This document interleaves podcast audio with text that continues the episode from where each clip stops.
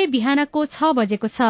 सामुदायिक सूचना नेटवर्क सीआईएनबाट अब प्रसारण हुँदैछ साझा खबर।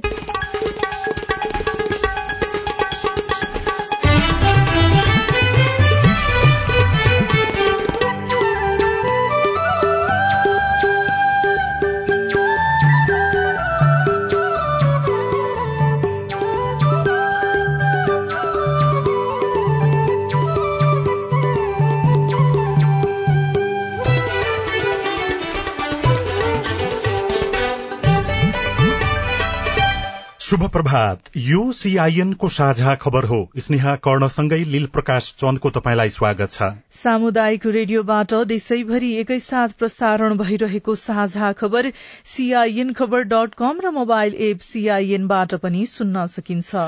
आज दुई हजार उनासी साल साउन सात गते शनिबार जुलाई तेइस तारीक सन् दुई हजार बाइस नेपाल सम्बत एघार सय बयालिस श्राउन कृष्ण पक्षको दशमी तिथि।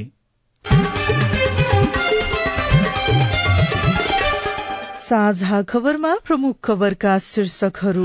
जन्मसिद्धका सन्तानलाई अब वंशजको नागरिकता संविधान बनेको सात वर्षपछि नागरिकता विधेयक पारित राष्ट्रिय सहमति हुनुपर्नेमा सत्ताधारी दलहरूको जोड। उद्योग र व्यापारमा अब फरक ब्याज किसानलाई सस्तो कर्जा दिइने विशेष अदालतको फैसलामाथि छानबिनको माग गर्दै न्याय परिषदमा उजुरी प्रदेश नम्बर एकको नामाकरणमा दलहरूको आफ्नै अडान तेस्रो मुलुकबाट आएको सुपारी भारततर्फ तस्करी एघार जिल्ला अझै पूर्ण खोपयुक्त घोषणा हुन बाँकी।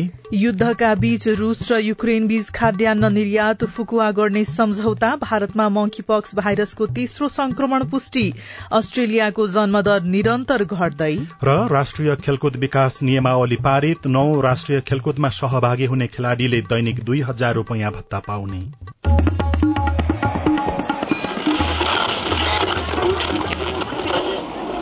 रेडियो।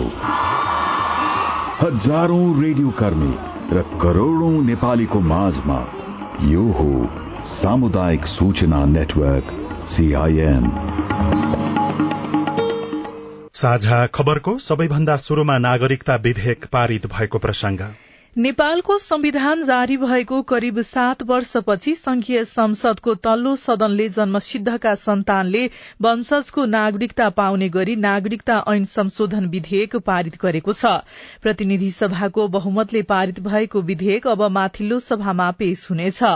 दुवै सदनबाट पारित भई प्रमाणीकरणपछि कानून कार्यान्वयनमा आउनेछ। लामो समयदेखि विधेयक पारित हुन नसक्दा जन्मसिद्धका सन्तानले नागरिकता पाउन नसकेको गुनासो थियो। करिब चार वर्ष प्रतिनिधि सभामा विचाराधीन रहेको विधेयक फिर्ता लिएर सरकारले नयाँ विधेयक ल्याएको हो। सरकारले विवादित भएको वैवाहिक अंगीकृत नागरिकता लगायतका विषय थाँती राख्दै संविधान अनुकूलका व्यवस्था मात्र समेटेर विधेयक ल्याएको थियो।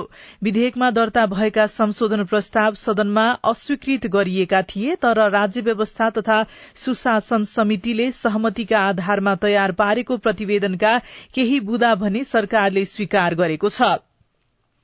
पारित विधेयकले जन्मका आधारमा नागरिकता लिएका व्यक्तिका सन्तानले अब वंशजको नागरिकता पाउनेछन् जसका लागि बाबु र आमा दुवै नेपाली भएको हुनुपर्नेछ। यस्तै मातृत्व र पितृत्व नखुलेका व्यक्तिका सन्तानले पनि आमा बाबु पत्ता नलागेसम्म वंशजको नागरिकता पाउने बाटो खोलेको छ। बाल मन्दिर अनाथालय जस्ता निकायमा हुर्किएको भए त्यस्ता संस्थाको सिफारिश गरेको आधारमा सम्बन्धित स्थानीय तहको सिफारिशमा नागरिकता दिने व्यवस्था विधेयकले गरेको छ।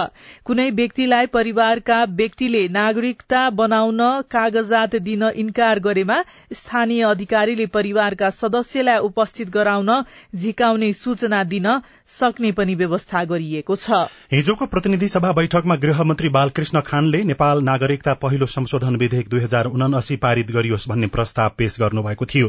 त्यसपछि सभामुख अग्नि प्रसाद सापकोटाले नागरिकता विधेयकलाई निर्णयार्थ प्रस्तुत गर्नुभएकोमा प्रतिनिधि सभाको बहुमतले पारित भएको घोषणा गरिएको हो।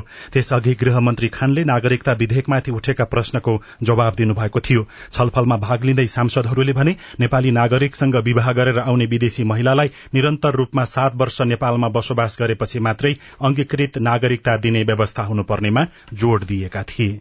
हामी कसैले पनि वास्तविक नेपालीलाई नागरिकता दिनुहुन्न भनेका छैनौं। तर जन्मको आधारमा पाउने कुरा एक पटकमा एकपटक हुन्छ। हामी विश्वकै चालिस प्रतिशत जनसङ्ख्या ओकटेको दुईटा विशाल छिमेकीको बीचमा छौं। त्यहाँ हुने कुनै पनि अशान्ति वा विग्रह वा कुनै पनि प्रकारको विशृङ्खलताले हामीलाई प्रभावित पार्छ। यस्ता लुज प्रावधानहरू राख्यो भने भोलि के हुन्छ? नेपालको भू राजनैतिक अवस्थिति अनुसार नेपालीले विदेशीसँग विवाह गर्ने विषय निरुत्साहित गर्नु पर्दछ नेपालीसँग विवाह गरेका महिला वा पुरुषलाई बीस वर्षपछि नेपालको कृत्रिम नागरिकता मात्र दिन सकिने व्यवस्था जरुरी छ। यस्तो नागरिकता लिनेले नेपालको भाषा र संस्कृतिबारे लिखित र अन्तर्वाट परीक्षा सांसदहरूले अहिलेको व्यवस्थाले थप उच्छृंखलता ल्याउनेमा पनि टिप्पणी गरेका थिए र सांसदहरूले विधेयक पारित हुनुपर्नेमा जोड़ दिँदै महिलाको नामबाट नागरिकता प्राप्त गर्ने व्यवस्था गर्नुपर्नेमा पनि जोड़ दिएका छन्। अन्तर्राष्ट्रिय सन्धि महासन्धि अनुसार महिलाको नामबाट छोराछोरीको लागि नागरिकता दिलाउने व्यवस्था गर्नुपर्नेमा सांसदहरूको जोड़ थियो।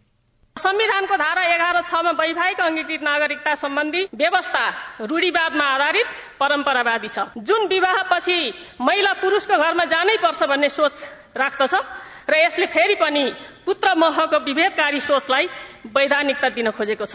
संविधानमा जो विभेद छ त्यो विभेद कानूनमा पनि देखिएको छ। नागरिकता कानूनमा। त्यसैले मैले यसलाई सच्याउनको लागि हामीले कानूनबाट कति पहल गर्न सक्छौ त्यसमा पहल गरौं। आज एउटा सन्तानले नागरिकता लिनका लागि एउटा राज्यको अधिकारीहरूसँग मेरो बाउ फलानु हो मेरो बाउ चिन्दिन मेरो बाउको बारेमा यस्तो भन्ने खालको एउटा सो घोषणा गर्ने कुराले चाहिँ त्यो सन्तानको आत्मसम्मान कहाँ पुग्छ? संसदको हिजोको बैठकपछि पत्रकारसँग कुराकानी गर्दै एकीकृत समाजवादी पार्टीका नेता झलनाथ खनालले नागरिकताको विषयमा दलहरूको बीचमा अनिवार्य सहमति हुनुपर्ने बताउनुभयो। नागरिकताको सम्बन्धमा हामीले ऐन बनाउँदाखेरि कुनै पनि ढंगले लुज काम गर्नु हुँदैन। हामीले लुज कुराहरू गर्यौं भने हाम्रो देशको सामाजिक संरचना क्रमिक रूपले बदलिने। नकारात्मक ढङ्गले बदलिने खतराहरू हुन्छन्। त्यस कारण यो कुरालाई ध्यानमा राखेर नेपालका राजनीतिज्ञहरूले गम्भीरतापूर्वक ध्यान दिनुपर्छ। जुन प्रकारले नागरिकता विधेयक आएको छ यसमा केही गम्भीर प्रश्नहरू छन्। यस्ता कुराहरूमा राष्ट्रिय सहमति हुनु अत्यावश्यक। नागरिकता विधेयक पारित भएसँगै झण्डै आठ लाख नेपालीले नागरिकता प्राप्त गर्ने विश्वास गरिएको छ। अब हिजो सार्वजनिक भएको मौद्रिक नीतिको प्रसंग चालू आर्थिक वर्षमा उत्पादनमूलक र व्यापारिक क्षेत्रका लागि फरक फरक ब्याज दर कायम हुने भएको छ भने किसानले सस्तोमा कर्जा पाउने भएका छन्। त्यसका लागि राष्ट्र ब्याङ्कले हिजो जारी गरेको मौद्रिक नीति मार्फत विभिन्न व्यवस्था गरिएको छ। सरकारले चालू आर्थिक वर्षको बजेटमा पनि उत्पादक र अनुत्पादक क्षेत्रबीच प्रवाह हुने कर्जामा फरक ब्याज दर कायम गर्नुपर्ने घोषणा गरेको थियो। सोही व्यवस्था व्यवस्थालाई निरन्तरता दिँदै राष्ट्र ब्याङ्कले मौद्रिक नीतिमा उद्योग र व्यापारमा फरक ब्याज दर कायम गर्ने बताएको हो। हाललाई बैंक तथा वित्तीय संस्थाले खाद्यान्न उत्पादन पशुपन्छी मत्स्य पालन निर्यात जन्य र शत प्रतिशत विदेशी कच्चा पदार्थमा आधारित उत्पादनमूलक उद्योगका लागि दुई करोड़सम्मको कर्जा प्रवाह गर्दा आधार दरमा अधिकतम दुई प्रतिशत बिन्दुसम्म प्रिमियम थपी ब्याज दर निर्धारण गर्न पाउने व्यवस्था गरिने मौद्रिक नीतिमा उल्लेख गरिएको छ। राष्ट्र ब्याङ्कबाट ऋण लिँदा तिर्नुपर्ने ब्याज दर पनि बढ़ाइएको छ। चालू आर्थिक वर्षको मौद्रिक नीति मार्फत राष्ट्र ब्याङ्कले उक्त व्यवस्था गरेको गभर्नर महाप्रसाद अधिकारीले बताउनुभयो। नयाँ व्यवस्था अनुसार राष्ट्र ब्याङ्कले बैंक दर आठ दशमलव पाँच प्रतिशत पुर्याएको छ। मूल्य र बाह्य क्षेत्र स्थायित्व कायम राख्दै समष्टिगत आर्थिक स्थायित्व प्रवर्धन गर्ने र वित्तीय साधनलाई उत्पादनशील क्षेत्रमा प्रवाह गराई उत्पादकत्व अभिवृद्धि मार्फत आर्थिक वृद्धिलाई सहयोग पुर्याउने गरी मौद्रिक नीतिको कार्यदिशा सजगतापूर्वक कसिलो राखिएको छ। राष्ट्र ब्याङ्कले शेयर कर्जामा लगाउँदै आएको चार करोड़को सीमा हटाएको छ। यसअघि एउटा बैंक तथा वित्तीय संस्थाबाट चार करोड़ र सबै बैंक तथा वित्तीय संस्थाबाट बाह्र करोड़ रूपियाँसम्मको सीमा राखिएको थियो। उक्त व्यवस्थामा चार करोड़को सीमा हटाएर सबै बैंक तथा वित्तीय संस्थाबाट बाह्र करोड़ रूपियाँसम्म मात्र लिन पाउने व्यवस्थालाई राष्ट्र ब्याङ्कले निरन्तरता दिएको हो। यस्तै चालू आर्थिक वर्षको मौद्रिक नीति सार्वजनिक गर्दै गवर्नर महाप्रसाद अधिकारीले बजेट मार्फत सरकारले लिएको लक्ष्य हासिल गर्न सहयोग पुर्याउने बताउनुभयो। सरकारले लिएको आठ प्रतिशतको आर्थिक वृद्धिको लक्ष्य हासिल गर्ने गरी मौद्रिक नीति सार्वजनिक गरिएको उहाँको भनाइ छ। नेपाल सरकारको बजेट वक्तव्य दुई हजार उनासी अस्सीले आठ प्रतिशतको आर्थिक वृद्धि दर हासिल गर्ने र मुद्रा स्फीतिलाई सात प्रतिशत भित्र कायम राख्ने लक्ष्य लिएको छ। नेपाल जस्तो सानो र आयातमा आधारित खुला अर्थतन्त्र भएको मुलुकले सुविधाजनक स्तरमा विदेशी विनिमय संस्कृति कायम गर्नुपर्ने बाध्यतालाई मध्यनजर गरी सात महिनासम्मको वस्तु तथा सेवा आयात धान्न सक्ने विदेशी विनिमय संस्कृति कायम राख्दै माग पक्षबाट मूल्यमा चाप पर्न नदिई लक्षित आर्थिक वृद्धि हासिल गर्न सहयोग पुर्याउनु मौद्रिक नीतिको लक्ष्य हुनेछ। यस्तै दिगो विकास र वातावरण मैत्री लगानीका क्षेत्र पहिचान गर्न राष्ट्र ब्याङ्कले ग्रीन ट्याक्सोनोमीको अवधारणा कार्यान्वयनमा ल्याउने भएको छ। ग्रीन फाइनान्सिङलाई प्रोत्साहन गर्न हरित बन्ड निष्कासन गर्ने जलवायु जोखिम रिपोर्टिङ गर्ने पुँजी आवश्यकता पहिचान गर्ने लगायत विषय समावेश गरी ग्रीन ट्याक्सोनोमी मस्यौदा तर्जुमा गरिनेछ। नेपाल राष्ट्र ब्याङ्कद्वारा हिजो सार्वजनिक चालू आर्थिक वर्षको मौद्रिक नीतिमा भनिएको छ।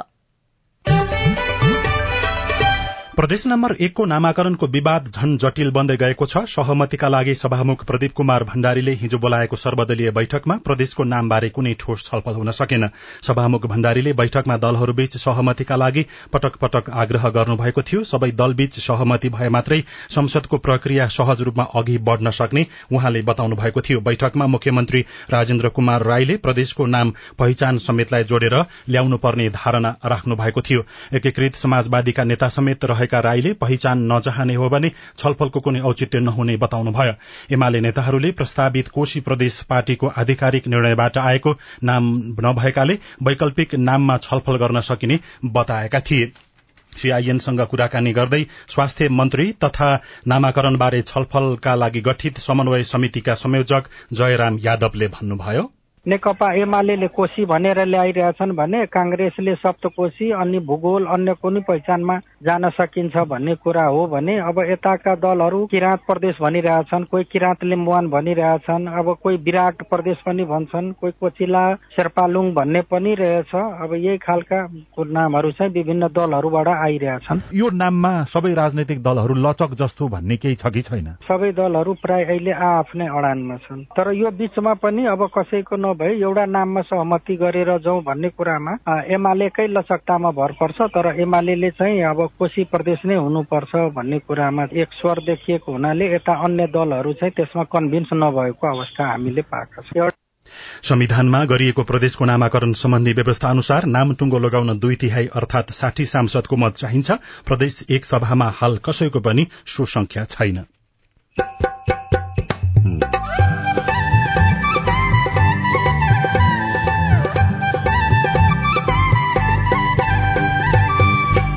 सामुदायिक सूचना नेटवर्क सीआईएन मार्फत देशभरि प्रसारण भइरहेको साझा खबरमा लक्ष्य भन्दा चार वर्ष बढ़ी बित्दा पनि पूर्ण खोप अभियान पूरा नहुनुको कारण कतिपय गाउँपालिकाहरूले चाहिँ पूर्ण खोप घोषणा गरे पनि सब केही गाउँपालिकाहरू बाँकी रहेको हुनु तसर्थ त्यसले गर्दा रोकिएको। विशेष अदालतको फैसलामाथि छानबिनको माग गर्दै न्याय परिषदमा उजुरी तेस्रो मुलुकबाट आएको सुपारी भारततर्फ तस्करी लगायतका खबर बाँकी नै छन्। सीआईएनको साझा खबर सुन्दै गर्नुहोला। मम्मी खाजा। मम्मी मेरो होमवर्क गर्ने कापी। बुहारी एकदम खुट्टा दुख्यो। बुहारी चिया खान मन लागेको थियो। बुढी कपडा मैलो भएछ। अरे मेरो परिवार भर्खरै सुनेको संवाद तपाईँलाई कस्तो लाग्यो? यही संवादलाई फेरि एकपटक यसरी सुनौ न है। मम्मी खाजा आज म बनाउँछु। मिठो बनाउँछु है। मम्मी मेरो होमवर्क गर्ने कापी मैले खोजिसके। अब म होमवर्क गर्छु। बुहारी एकदम खुट्टा दुख्यो। छोराले तेल तताएर लगाइदिएपछि अलि आराम भयो। बुहारी चिया खान मन लागेको थियो। सबैको लागि बनाएको छु। आऊ सबैजना खान। बुढी कपडा मैलो भएछ। घर नि कस्तो फोहोर। कपडा धोएर भ्याए। अब घर सफा गर्छु। कोरोनाको महामारीबाट बस्न पनि त सरसफाई जरुरी छ नि। आहा मेरो परिवार। तपाईँलाई दोस्रो संवाद कस्तो लाग्यो? पक्कै राम्रो लाग्यो। हो तपाईँ हामी बीच जिम्मेवारी बोध भयो भने एक अर्का बीचको निकटतालाई अझ राम्रो बनाउन सकिन्छ। बाढी चोडी जिम्मेवारी परिवारमा समझदारी। महिला बालबालिका तथा ज्येष्ठ नागरिक मन्त्रालय युएन वुमन ल्याक र अकुराबको सहकार्य।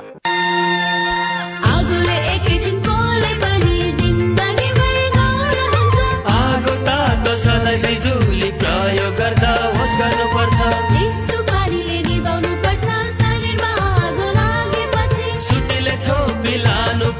बिरामीलाई स्वास्थ्य चौकी।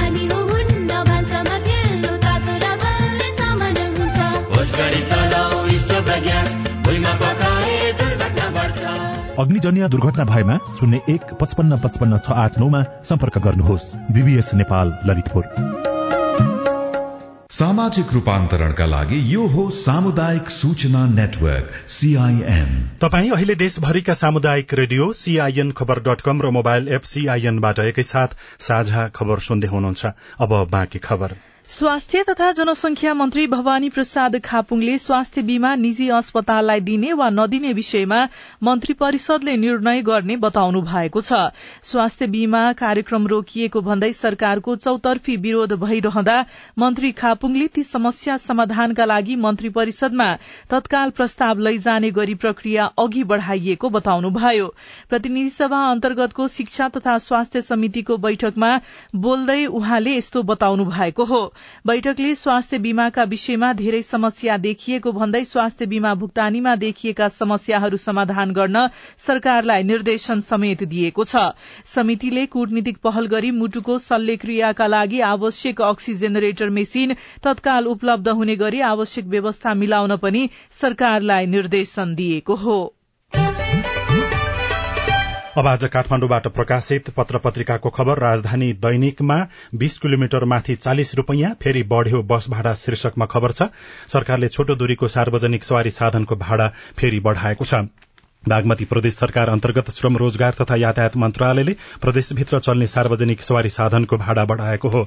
नयाँ भाडा दर अनुसार काठमाण्डु उपत्यकामा बस चढ्ने बित्तिकै बीस रूपियाँ तिर्नुपर्ने यसअघिको प्रावधान यथावत राखिएको छ। उपत्यकामा शुरूको दर अर्थात पाँच किलोमिटरसम्मको गाड़ी भाडा बीस रूपियाँ नै कायम रहेको हो। दश किलोमिटरसम्मको भाडा भने पच्चीसबाट सत्ताइस रूपियाँ पुर्याइएको छ। पन्ध्र किलोमिटरसम्मको भाडा तीसबाट बढ़ेर बत्तीस र बीस किलोमिटरसम्मको भाडा तेत्तीसबाट पैंतिस र बीस किलोमिटर भन्दा माथिको भाडा अडतिसबाट चालिस पुगेको छ। नयाँ पत्रिका दैनिकको पहिलो पृष्ठमा विशेष अदालतले गरेका फैसलामाथि छानबिनको माग गर्दै न्याय परिषदमा उजुरी शीर्षकमा खबर लेखिएको छ। विशेष अदालतबाट पछिल्लो चार महिनामा भएका फैसलामाथि छानबिनको माग गर्दै न्याय परिषदमा उजुरी परेको छ। पर्याप्त प्रमाण हुँदाहुँदै विभिन्न मुद्दामा सफाई दिएको भन्दै फैसलामाथि छानबिनको माग सहित उजुरी परेको हो। विशेष अदालतले गत आर्थिक वर्ष दुई हजार अठहत्तर उनासीमा तीन सय उन्चालिस मुद्दाको फैसला गरेको थियो। ती मध्ये दुई सय उनासाठी घुस सम्बन्धी रहेका थिए। ती मुद्दामा नब्बे प्रतिशतले सफाई पाएका थिए अनियमितता सम्बन्धी अन्य मुद्दामा पनि एकसठी प्रतिशतले सफाई पाएका थिए। गोर्खापत्र दैनिकमा नयाँ हवाई प्रवेश बिन्दुबारे छलफल शीर्षकमा खबर छ गौतम बुद्ध अन्तर्राष्ट्रिय विमानस्थल पूर्ण क्षमतामा सञ्चालनका लागि भारतसँग नयाँ हवाई प्रवेश बिन्दु उपलब्ध गराउने विषयमा छलफल भएको छ। संस्कृति पर्यटन तथा नागरिक उड्डयन मन्त्री जीवनराम श्रेष्ठ र नेपालका लागि भारतका राजदूत नवीन श्रीवास्तव बीच हिजो पर्यटन मन्त्रालयमा भएको शिष्टाचार भेटका क्रममा नयाँ हवाई प्रवेश बिन्दुको बारेमा छलफल चलेको हो। पालिकाले दिन थाले एकल पुरूषलाई पनि भत्ता शीर्षकमा नगेन्द्र सापकोटाले खबर लेख्नु भएको छ। सामाजिक न्याय स्थापना गर्न कतिपय स्थानीय तहले एकल पुरूषलाई पनि सामाजिक सुरक्षा भत्ता प्रदान गर्न थालेका छन्। समाजमा एकल महिला भन्दा एकल पुरूषको जीवन कष्टकर बनेको गुनासो आएपछि कतिपय स्थानीय तहले एकल पुरूषलाई पनि सामाजिक सुरक्षा भत्ता प्रदान गर्न लागेका हुन्। आमदानीको स्रोत नभएका एकल पुरूषलाई भत्ता प्रदान गर्न थालिएको हो। नागरिक दैनिकको पहिलो पृष्ठमा विदेशीको गतिविधि बढ़ेको भन्दै फोन ट्यापिङ शीर्षकमा टपेन्द्र कार्कीले खबर लेख्नु भएको छ। नेपालको एकमात्र गुप्तचर संस्था राष्ट्रिय अनुसन्धान विभागले फोन ट्यापिङ शुरू गरेको छ। नेपालमा विदेशी सुरक्षाकर्मी र राजनीतिक व्यक्तिहरूको मुभमेन्ट बढ़ेको भन्दै अनुसन्धान विभागले फोन ट्यापिङ गर्न थालेको हो। राष्ट्रिय अनुसन्धान विभागमा रहेका मेसिनलाई सक्रिय समेत बनाइएको छ। तेस्रो मुलुकबाट आएको सुपारी भारततर्फ तस्करी शीर्षकमा अर्को खबर लेखिएको छ। विराटनगर महानगरपालिका अठार बुधनगर हुँदै आठवटा ट्रकमा भारततर्फ लैजान लागि सुपारी प्रहरीले नियन्त्रणमा लिएको छ। भारतीय नम्बर प्लेटका आठवटा ट्रकमा सुपारी राखेर लैजान लागेको अवस्थामा प्रहरीले नियन्त्रणमा लिएको हो। भारतीय नम्बर प्लेटका अधिकांश गाड़ीहरू पछिल्लो समय नेपाल आएको तेस्रो मुलुकका सुपारी भारततर्फ लैजान लागेको खबरमा उल्लेख गरिएको छ। साझा खबरमा अब हेलो सीआईएन उषा तामाङबाट।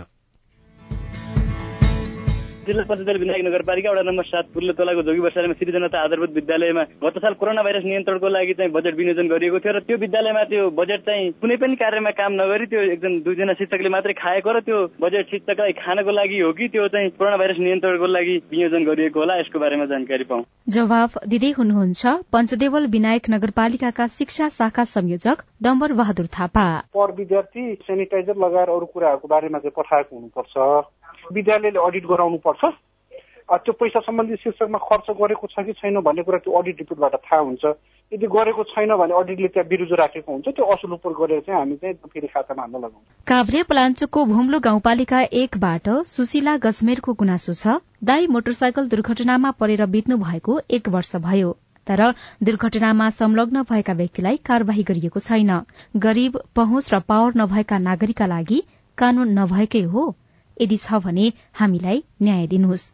सुशीलाजी तपाईँको यो गुनासो हामीले जिल्ला प्रहरी कार्यालय काभ्रेका प्रहरी उपरीक्षक चक्रराज जोशीलाई सुनाएका छौं। सम्बन्धित व्यक्ति जिल्ला प्रहरी कार्यालयमा आएर मुद्दा शाखामा चाहिँ सम्पर्क राख्नु हुनु अनुरोध गर्दछु। नमस्कार म सुनसरी जिल्ला रामधुनी नगरपालिका वडा नम्बर छ बक्लौरीबाट महेश नेपाल भन्ने मान्छे बोलेको। हाम्रो वडामा शुद्ध पिउने पानीको समस्या छ। शुद्ध पिउने पानी जुनै सरकार आए पनि अहिलेसम्म हामीले शुद्ध पिउने पानी पाएका छैनौं। यसको जवाफ पाएदेखि आभारी हुने थिए। तपाईँको प्रश्नमा रामधुनी नगरपालिकाका उपप्रमुख तारा थापाको जवाब छ। खानेपानी जस्तो एउटा संवेदनशील कुरालाई अब हामीले त्यो प्राथमिकतामै राखेका छौँ। कुन कुन योजनाहरू त्यहाँ सञ्चालित छ नम्बर सात नम्बरको कुरामा त्यो विषयमा हामी फेरि एकपल्ट अध्ययन गर्नेछौँ। उहाँहरूले तपाईँको कार्यकालमा शुद्ध खानेपानी पाउनु होला खानेपानी जस्तो कुरा जनतालाई चाहिँ एकदम त्यसको लागि सुनिश्चित गर्नुपर्छ भन्ने कुरा हाम्रो कुरा हो। त्यसको लागि हाम्रो तर्फबाट एकदमै धेरै पहल हुन्छ। हामी त्यो पहल गर्ने क्रममा कतै काहीँ हामी चुक्दैनौँ। तपाईँ जुनसुकै बेला हाम्रो आइभीआर नम्बर शून्य एक बान्न साठी छ चार छमा फोन गरेर आफ्नो प्रश्न जिज्ञासा गुनासा तथा प्रतिक्रिया रेकर्ड गर्न सक्नुहुन्छ। साझा खबरमा अब विदेशका खबर। भारतमा मंकी पक्स भाइरसको तेस्रो संक्रमण पुष्टि भएको छ। भारतको केरला राज्यको मलापुरममा हिजो थप एकजनामा मंकी पक्स भाइरसको संक्रमण पुष्टि भएको हो। केरलाका स्वास्थ्य मन्त्री वीणा जर्जले यसको पुष्टि गर्नु भएको हो। उहाँका अनुसार छ जुलाईमा दुवैबाट आएका पैंतिस वर्षका एकजना पुरूषमा मंकी पक्स भाइरसको संक्रमण देखिएको छ। यसअघि पनि केरलामै दुईजनामा मंकी पक्स भाइरसको संक्रमण देखिएको थियो। रूस र युक्रेन बीच जारी युद्धका बीच खाद्यान्न निर्यात गर्ने सम्झौता भएको छ। युद्धका कारण विश्वभर खाद्यान्न अभाव हुन थालेपछि दुई मुलुकले हिजो खाद्यान्न निर्यात गर्ने बारेको ब्ल्याक सी ग्रीन इनिसिएटिभ सम्झौतामाथि हस्ताक्षर गरेको बीबीसीले लेखेको छ। जस अनुसार अबको केही समयमा युक्रेनबाट गहुँ र मकैको निर्यात शुरू हुनेछ र अस्ट्रेलियाको जन्मदर निरन्तर घटिरहेको एक अध्ययनले देखाएको छ। देशको जन्मदर दश वर्ष यताकै न्यून स्तरमा झरेको Australian institute of health and वेलफेयरको अध्ययन प्रतिवेदनमा उल्लेख गरिएको छ। संस्थाले हिजो सार्वजनिक गरेको विवरण अनुसार सन् दुई हजार सातमा एक प्रति एक हजारमा छैसठी जना महिलाले बच्चा जन्माएकोमा सन् दुई हजार एक्काइसमा त्यो दर घटेर छप्पन्न कायम भएको छ। साझा खबरमा अब खेल खबर राष्ट्रिय सरकारले राष्ट्रिय खेलकुद विकास नियमावली पारित गरेको छ। लामो समयदेखि रोकिएको खेलकुद विकास नियमावली मन्त्री परिषदले सैद्धान्तिक सहमति सहित पारित गरेको हो। युवा तथा खेलकुद मन्त्रालयले असार अठाइस गते मन्त्री परिषदमा नियमावली पारितका लागि प्रस्ताव लगेको थियो। खेलकुद नियमावली आएसँगै ऐन कार्यान्वयनमा सहज हुने मन्त्रालयले बताएको छ। नौ राष्ट्रिय खेलकुदमा सहभागी हुने खेलाड़ीले दैनिक दुई हजार रूपियाँ भत्ता पाउने भएका छन्। राष्ट्रिय खेलकुद परिषद राखेपका अनुसार उनीहरूले दुई हजार रूपियाँ भत्ता पाउने भएका हुन्। भत्ताको समय अवधि खेलाड़ी सहभागी हुने दिनको अघिल्लो दिनबाट शुरू भएर प्रतिस्पर्धा सकिएको भोलिपल्टसम्म लागू हुनेछ। यसअघि दुई हजार छत्तर सालमा सम्पन्न आठौं राष्ट्रिय खेलकुदमा खेलाड़ीले दैनिक एक हजार चार सय रूपियाँ भत्ता पाएका थिए। स्वीडेन महिला युरो कपको सेमी फाइनलमा प्रवेश गरेको छ। खेलको अन्तिम समयमा बेल्जियमलाई एक शून्य गोल अन्तरले हराउँदै स्वीडेन सेमी फाइनलमा प्रवेश गरेको हो। खेलको निर्धारित नब्बे मिनट गोल रहित बराबरीमा सकिएको थियो तर खेलको इन्जुरी समयको दोस्रो मिनटमा स्वीडेनले गोल गरेपछि त्यो नै निर्णायक बन्यो। अब स्वीडेनले सेमी फाइनलमा इंग्ल्याण्डसँग प्रतिस्पर्धा गर्नेछ। एघार जिल्ला अझै पूर्ण खोप सुनिश्चितता हुन बाँकी रेडियो रिपोर्ट स्वस्थ जीवनशैली सम्बन्धी सन्देश अरू खबर र कार्टुन पनि बाँकी नै छ सीआईएनको साझा खबर सुन्दै गर्नुहोला Dish Home FiberNet presents for the first time in Nepal. Get ready to get your mind blown with four times faster than 5G. We are introducing Wi-Fi 6, the only technology with artificial intelligence in Nepal. Mega 5. Get Kushi ko upgrade with Wi-Fi 6 routers and mesh nodes. Mega 5. Kushi ko upgrade. Dish Home FiberNet. सामाजिक रूपान्तरणका लागि यो हो सामुदायिक सूचना network CIN साझा खबरमा अब पूर्ण खोप सुनिश्चितता अभियानको कुरा। राष्ट्रिय योजना आयोगले गरेको गत वर्षको आर्थिक सर्वेक्षण अनुसार देशभर रहेका बालबालिका मध्ये उनासाठी दशमलव सात प्रतिशतले मात्रै सबै प्रकारका खोप पूर्ण रूपमा लगाउन पाएका छन्। सरकारले साढे चार वर्ष अघि नै नेपाललाई पूर्ण खोपयुक्त घोषणा गरिसक्ने लक्ष्य राखेको थियो तर हालसम्म छैसठी जिल्ला मात्रै पूर्ण खोप सुनिश्चितता घोषणा भएका छन् बालबालिकालाई सबै खाले खोपको पूर्ण पहुँचमा पुर्याउन किन ढिलाइ हुँदैछ? जन्मिएदेखि पन्ध्र महिनासम्मका सबै बालबालिकालाई सरकारले उपलब्ध गराएको तेह्र प्रकारका खोप लगाएको सुनिश्चित भएपछि जिल्लालाई पूर्ण खोपयुक्त घोषणा गरिन्छ। पूर्ण खोप जिल्ला घोषणा गरिसकेपछि पनि हरेक वर्ष जिल्लालाई पूर्ण खोप सुनिश्चित गर्नुपर्ने प्रावधान छ। पूर्ण खोप घोषणा एकपल्ट गर्दैमा यो सकिहाल्ने यो यो अभियान सकिने चाहिँ होइन। यसलाई हरेक वर्ष यसको निरन्तरता हुनुपर्छ। वर्षभरि खोप लगाउन छुटेका सबै बाल बालिकालाई पूरा मात्रा खोप लगाउने वातावरण सिर्जना गरी पूर्ण खोपयुक्त गाउँपालिका नगरपालिका हुँदै जिल्लाको सुनिश्चित गरिन्छ। दाङको घोराही उपमहानगरपालिका पूर्ण खोपयुक्त पालिका घोषणा भएको केही महिना मात्रै बित्यो। नगर प्रमुख नरूलाल चौधरी। खोप कार्डसहित बच्चाले खोप लगाएको संख्या बाइस सय छपन्न छ र यो चाहिँ लगाउने प्रक्रियामै हो। सोह्रदेखि तेइस महिनाका बच्चाहरू पच्चिस सय तीनजना बच्चाहरू छन् भनेदेखि चौबिस सय उनानब्बे जना सबैले चाहिँ खोप लगाएको चाहिँ तथ्याङ्क छ। पाल्पालाई पनि केही दिन अगाडि मात्रै पूर्ण खोपयुक्त जिल्ला घोषणा गरियो। जिल्लाका तीन हजार पाँच सय छयासी जना बाल बालिकाले पूर्ण रूपमा खोप पाएको जिल्ला समन्वय समितिका प्रमुख टेकनाथ खनालको दावी छ। विभिन्न स्वास्थ्य इकाइहरूलाई सबै स्वास्थ्य संस्थाहरूलाई कोही छन् भने त्यस्तो भेटियो भने जानकारी गराउनु होला भनेको अहिलेसम्म केही जानकारीमा आएन त्यस्तो भेटिया छैन। सरकारी तथ्याङ्क अनुसार हालसम्म छैसठीवटा जिल्ला पूर्ण खोपयुक्त घोषणा भएका छन्। अझै एघारवटा जिल्लाहरू भने पूर्ण खोप सुनिश्चित हुन बाँकी नै छन् जसमा सबैभन्दा धेरै कर्णालीका जिल्लाहरू रहेका छन्। सल्यान हुम्ला डोल्पा जाजरकोट जुम्ला र मुगुमा हालसम्म सम्पूर्ण खोप सुनिश्चित हुन सकेको छैन। जिल्ला अस्पताल मुगुका प्रमुख डाक्टर उमेश गौतम। यही वर्ष पूर्ण खोप जिल्ला घोषणा गर्ने भन्ने तयारी भइसकेको यो लास्ट आवरमा हाम्रो अलिकति कामको प्रेसरले भएन अब हामीले भदौभित्र गर्ने प्लानिङमा छौँ। दस वर्ष अघि शुरू भएको पूर्ण खोप अभियान दुई हजार चौहत्तर सालमै पूरा गर्ने लक्ष्य सरकारको थियो। तर लक्ष्यको चार वर्ष भन्दा बढ़ी नागिसक्दा समेत सरकारले देशलाई पूर्ण खोपयुक्त राष्ट्र घोषणा गर्न सकिरहेको छैन। यसको कारणबारे बताउँदै स्वास्थ्य सेवा विभागका खोप महाशाखा प्रमुख सागर दाहाल। कतिपय गाउँपालिकाहरूले चाहिँ पूर्ण खोप घोषणा गरे पनि सब केही गाउँपालिकाहरू बाँकी रहेको हुन्। तसर्थ त्यसले गर्दा रोकिएको। त्यसकारण यो इनिसिएटिभ चाहिँ फेरि त्यो बाँकी रहेको जिल्लामा चाहिँ केही पनि काम भएको छैन भन्ने चाहिँ होइन। स्वास्थ्य सेवा विभागका अनुसार देशभरका दश प्रतिशत बालबालिकाले आंशिक र एक प्रतिशत बालबालिकाले कुनै पनि खोप सेवा प्राप्त गरेका छैनन्। संघ र स्थानीय सरकार बीचमा आवश्यक समन्वय नभएका कारण पूर्ण खोपयुक्त जिल्ला घोषणामा ढिलाइ भइरहेको छ। सुशीला श्रेष्ठ सीआईएन रिपोर्टसँगै हामी साझा खबरको अन्त्यमा आइपुगेका छौं। सामुदायिक रेडियो प्रसारक संघद्वारा संचालित सीआईएनको बिहान छ बजेको साझा खबर सक्नु अघि मुख्य मुख्य खबर फेरि एकपटक। जन्मसिद्धका सन्तानलाई अब वंशजको नागरिकता संविधान बनेको सात वर्षपछि नागरिकता विधेयक पारित।